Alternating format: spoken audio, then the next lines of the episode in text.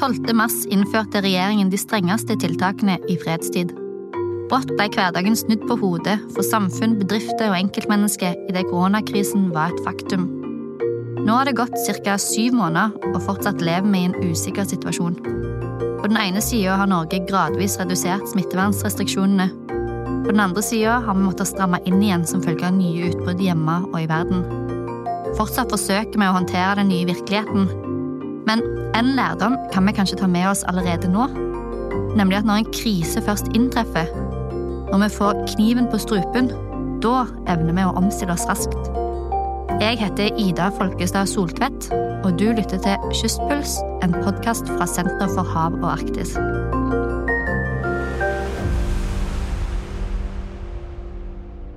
Det siste året har alle deler av samfunnet vært nødt til å omstille seg, og havnæringene er intet unntak. Økt arbeidsledighet, permitteringer, lavere etterspørsel, en jevnt over svakere økonomi har gjort at de fleste sektorer får kjenne på nedgang. Næringslivet er hardt rammet, men tunge tider gir også mulighet til å tenke nytt og tilpasse seg markeder i endring. En mann som har erfart nettopp det, er Bjørn Erik Stabel. Bjørn Erik er en blid fyr med rungende latter. Og er det noen som kan selge fisk på vegne av Norge, så er det han. Jeg er så heldig at jeg får lov å jobbe som fiskeriutsending i Spania. Sånn at eh, jeg er i Spania for å vinne verden, eller vinne Spania for norsk sjømat. Og få spanjolene til å si at den beste laksen kommer fra Norge, og den skreien som kommer i januar til april, den elsker vi, og, og seien er den perfekte hverdagsmaten. Bjørn Erik har bodd og jobba i Madrid siden 2018. Oppi alt det mørke skal han faktisk dele en solskinnshistorie med oss.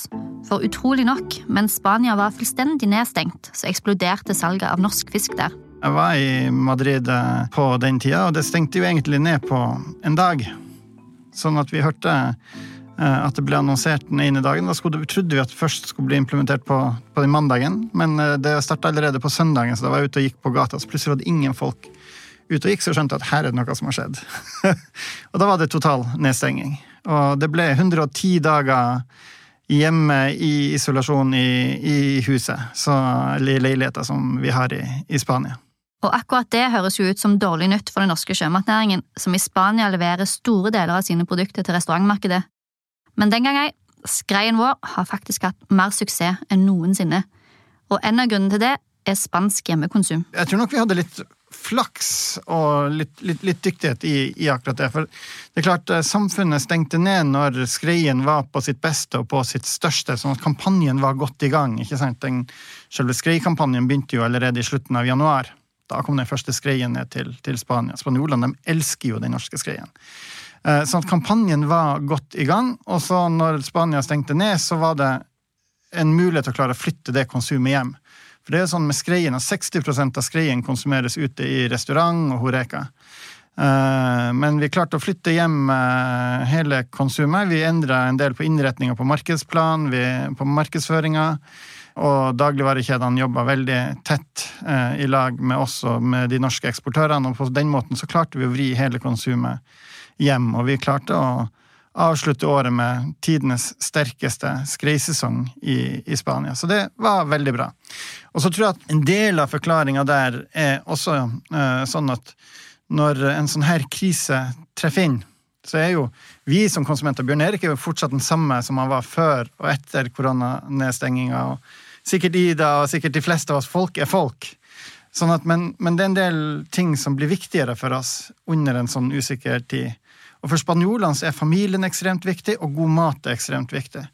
Sånn at uh, under den perioden der så ville man kose seg ekstra med familien og ha de, de lyspunktene som var i en tilværelse hvor man ellers var prega av, av innetid. Og det tror jeg at uh, skreien var en sånn som fremstår som et så uh, luksuriøst godt produkt, tjente veldig godt på. I tillegg fikk spanjolene noen velmente råd på veien for restaurantmat til hjemmekokkelering. Det vi gjorde, vi, vi endra veldig mye på innretninga i markedsføringa fra å skape oppmerksomhet rundt skreien til å fortelle hvordan du kunne lage skreien hjemme. Eh, vi gjorde eh, ting digitalt eh, med en del matpresse, men en av de artigste tingene vi gjorde, det var at vi har en sjømatambassadør som heter Hung Fei. Han er en kokk, en veldig dyktig kokk oppe fra Bilbao Så vi har brukt i flere år. Og kokkene ble jo også sperra inne i sine hjem. Så det vi gjorde, at kona hans tok mobiltelefonen sin, og så begynte han å tilberede ulike retter på kjøkkenet hjemme for å vise spanjolene hvordan de kunne lage skrei hjemme og lage gode øyeblikk i lag med familien sin. Og flere av de videoene produsert med en uh, iPhone uh, hadde flere hundre tusen visninger i, i, Spania. Så vi traff veldig på en nerve i forhold til um, det at uh, spanjolene ønska å lage gode øyeblikk hjemme. Og som om dette ikke var nok, ser òg koronakrisen ut til å åpne andre dører i Spania. Det vi ser etter at koronaen slo til, det er at ferdigpakka mat har økt en del. Og vi er veldig overbevist om at ferdigpakka øh, sjømat, laks, torsk, sei, gjerne porsjonspakninger, øh, har en betydelig framtid i Spania. Jeg tror det er der på en måte vi skal få veksten. Vi må gjøre det lett for de unge. Lett for de single husholdningene. Også Spania i en kjempestor endring. Det er nesten fem millioner single husholdninger i Spania. Det er ut av 19 millioner husholdninger, så en fjerdedel av husholdningen er single husholdninger. Og det er klart, det å kjøpe en hel laks på tre kilo eller en hel skrei på fire kilo blir helt meningsløst for en, eh, for en person som bor alene, eller som bor to. Det blir i hvert fall veldig mange måltid. Så må vi nok forvente at økt arbeidsledighet vil påvirke hva spanjolene faktisk tar seg råd til å kjøpe. Den gjennomsnittlige kjøpekraften vil gå ned, og at skreisesongen 2021 blir like sterk, det er neppe tilfellet. Samtidig kan kanskje økonomisk krise i Spania bane vei for en annen norsk fisk, nemlig skreiens litt trauste lillebror. Er dette seiens time to shine?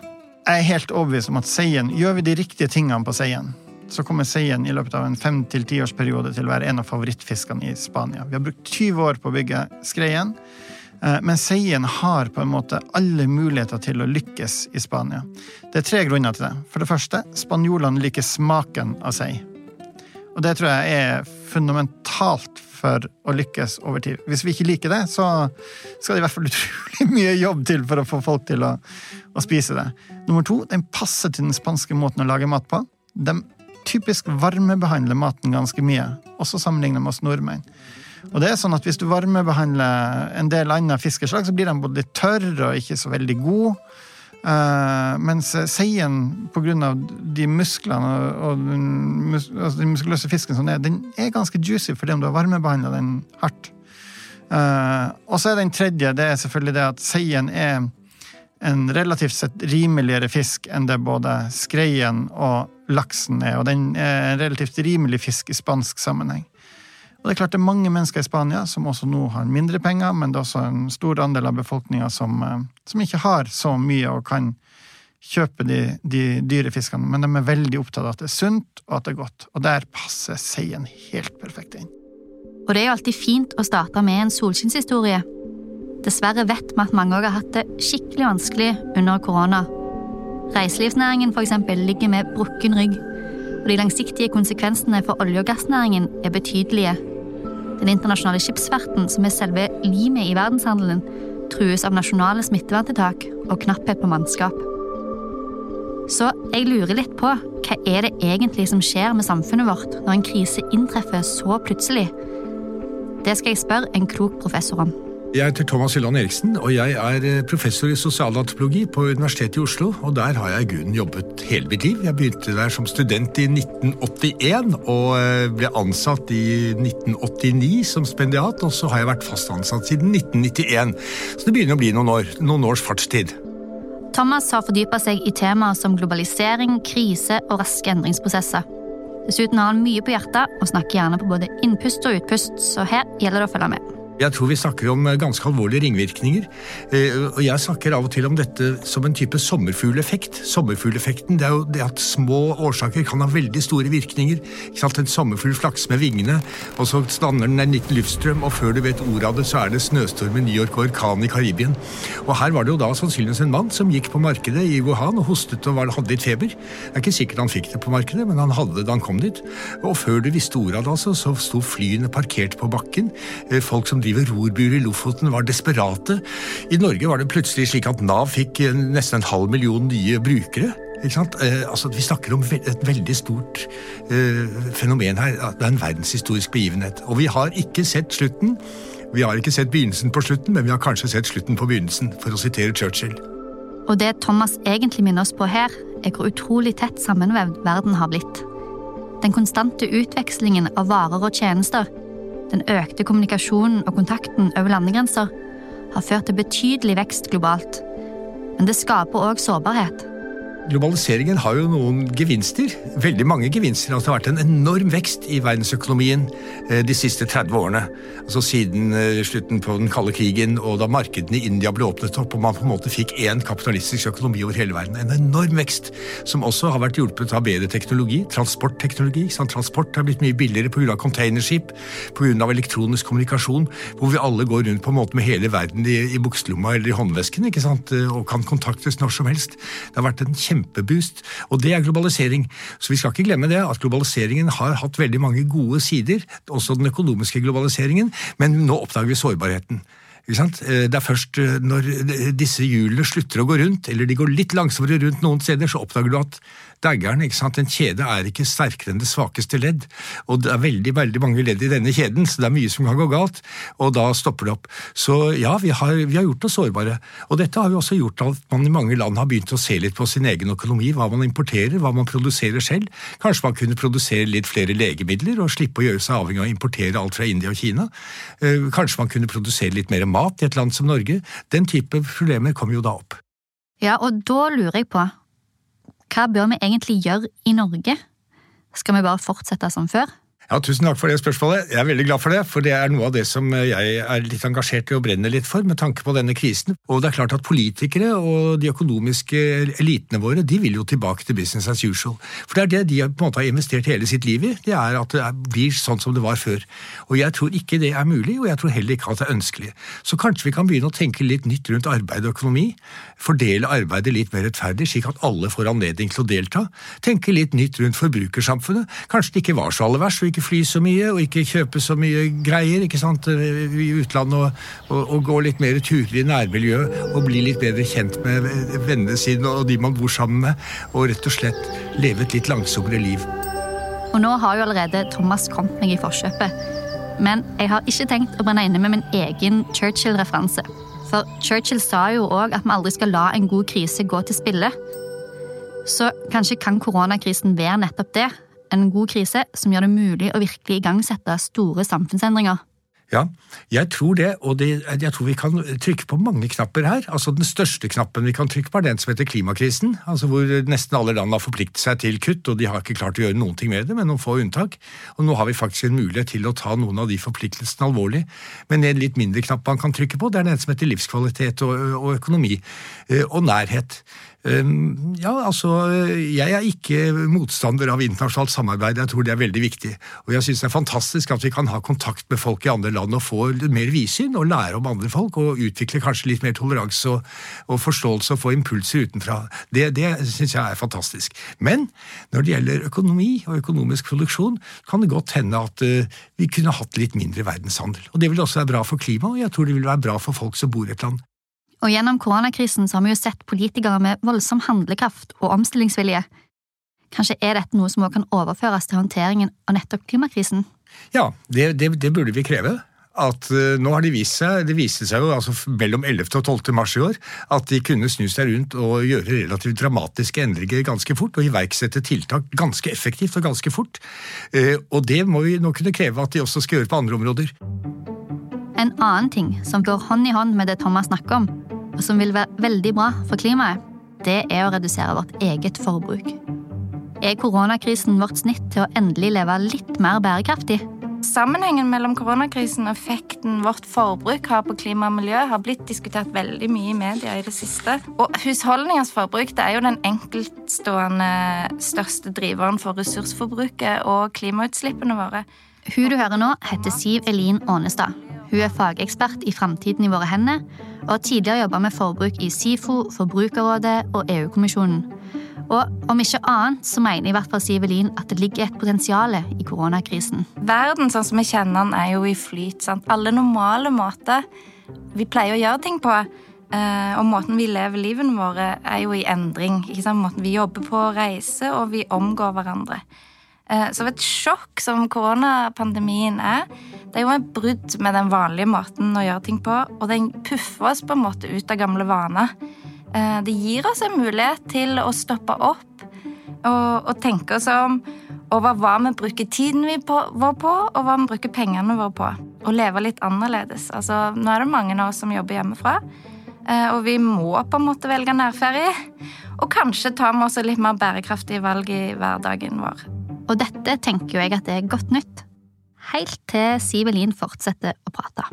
Men hvis man ser på eh, tidligere økonomiske kriser, som finanskrisen i 2008, så kan vi dessverre forvente en veldig rask eh, gjenoppretting av utslipp når pandemien er over. Den representative undersøkelsen som Opinionen har gjennomført for NRK i juni i år, det viser at halve befolkningen mener at koronakrisen har gitt i økt bevissthet om klimakrisen, og at det vil bidra til at de får bedre klimavaner fremover. Men det er jo, som alle vet, et stort sprik mellom det vi sier om det vi gjør, og det vi faktisk gjør i praksis. For det er flere faktorer enn bare holdninger som påvirker hva vi gjør. Det er både tid, de vanene vi har, økonomien vår og praktiske hensyn. Eh, for når du ser på tallene der som kommer ferske tall fra SSB på omsetning i varehandelen, Eh, så forteller de også at forbruket vårt har faktisk tatt seg opp igjen. Jeg vet ikke med deg som hører på, men sjøl er jeg litt på nippet til å gi opp her. Heldigvis så kaster Sivelin ut en redningsbøye. Så er det jo veldig viktig å si at man kan jo ikke legge dette ansvaret bare på individet. Eh, man må jo på en måte dreie klimadebatten vekk fra skam og skyld, og heller se litt sånn positivt på de tingene man kan gjøre. Eh, og det er klart man kan jo kjøpe tøybleie til ungene og spise mindre kjøtt og fly mindre, og alle de tingene. Men eh, det vil jo ikke virkelig nytte før man får store strukturelle endringer. Eh, at politikerne tør å på en måte kjøre en eh, tøffere klimapolitikk. Man kan ikke bare forvente at det er forbrukerne som skal Eller individene som skal løse opp i dette å bare gi nye oljeboringlisenser, bygge ut tredje rullebane på Gardermoen og la moteindustrien produsere masse syntetiske, billige plagg. Så hva er det egentlig som skal til for at vi bruker mulighetsrommet koronakrisen gir, til å fikse klimakrisen? Altså For å endre klimagassutslippene og klima- og miljøbelastningen, så må vi endre vårt økonomiske system. Altså redusere forbruket og etablere mer bærekraftige forretningsmodeller. Og kanskje har du hørt om sirkulær økonomi? Nå eh, er det jo veldig mye snakk om sirkulær økonomi. Vi må utnytte ressursene våre mer effektivt. Og ja, det må vi, men vi må også redusere forbruket. Det er ikke sånn at vi kan forbruke oss ut av klimakrisa. Eh, men det betyr jo at vi må eh, lage varene sånn at de kan eh, repareres, at de varer lenge.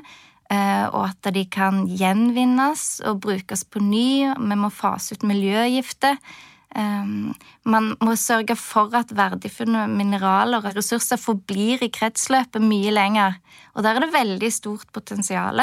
Uh, forskningsstudier fra NTNU, um, ILO og Sintef, tror jeg det var, uh, viser at uh, potensialet for jobbskaping i sirkulærøkonomien er veldig stor. For selv om det er mindre nyproduksjon, så er de jobbene som ble utvikla innenfor utleie, altså nye forretningsmodeller som går på utleie, ombruk, reparasjon, resirkulering, de er mer arbeidsintensive. Eh, sånn at det vil til syvende og sist skape eh, altså grønnere jobber for flere. For det kan ikke være sånn at folk føler de må velge mellom det å være mer eh, klima, leve mer klimavennlig, og jobben sin, altså økonomisk trygghet. Eh, dette er jo en mulighet til å løse Prøve å løse både klimakrisa og koronakrisa med å skape liksom en skikkelig sånn ambisiøs, stor plan for nye grønne arbeidsplasser. Eh, der vi lever og produserer på en ny måte. Eh, og vi skulle jo gjerne sett at de krisepakkene regjeringen ga ut, hadde, hadde kommet med litt flere krav ikke sant? Litt mer krav til grønn omstilling, eh, og brukt det potensialet som lå der, enda mer. Og selv om politikerne må ta mye av ansvaret dersom vi skal få til samfunnsendring, så er det òg opp til hver og en av oss å ta gode valg. Men for at forbrukerne da skal kunne ta de gode valgene, så har vi jo behov for økt kunnskap om produktene vi omgir oss med. Vi må vite hvordan de er produsert, vi må få vite mer om hva de inneholder. Um, både kjemikalier og klima- og miljøbelastningen.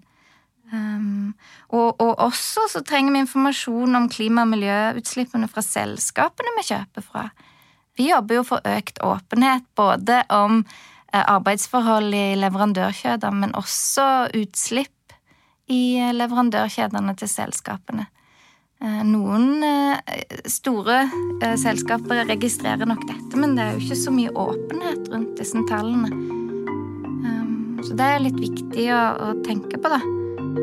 Og jeg håper vi alle kan tenke litt mer på det Siv Elin sier, selv om denne kystpulsepisoden er ved veis ende. Fra Spania til den store verden og hjem igjen til lille Norge har vi fått høre om oppturer og nedturer. Men kanskje mest av alt mulighetene som oppstår når et sjokk som koronakrisen inntreffer. Så er det opp til oss som enkeltindivider, politikere og storsamfunn å utnytte de.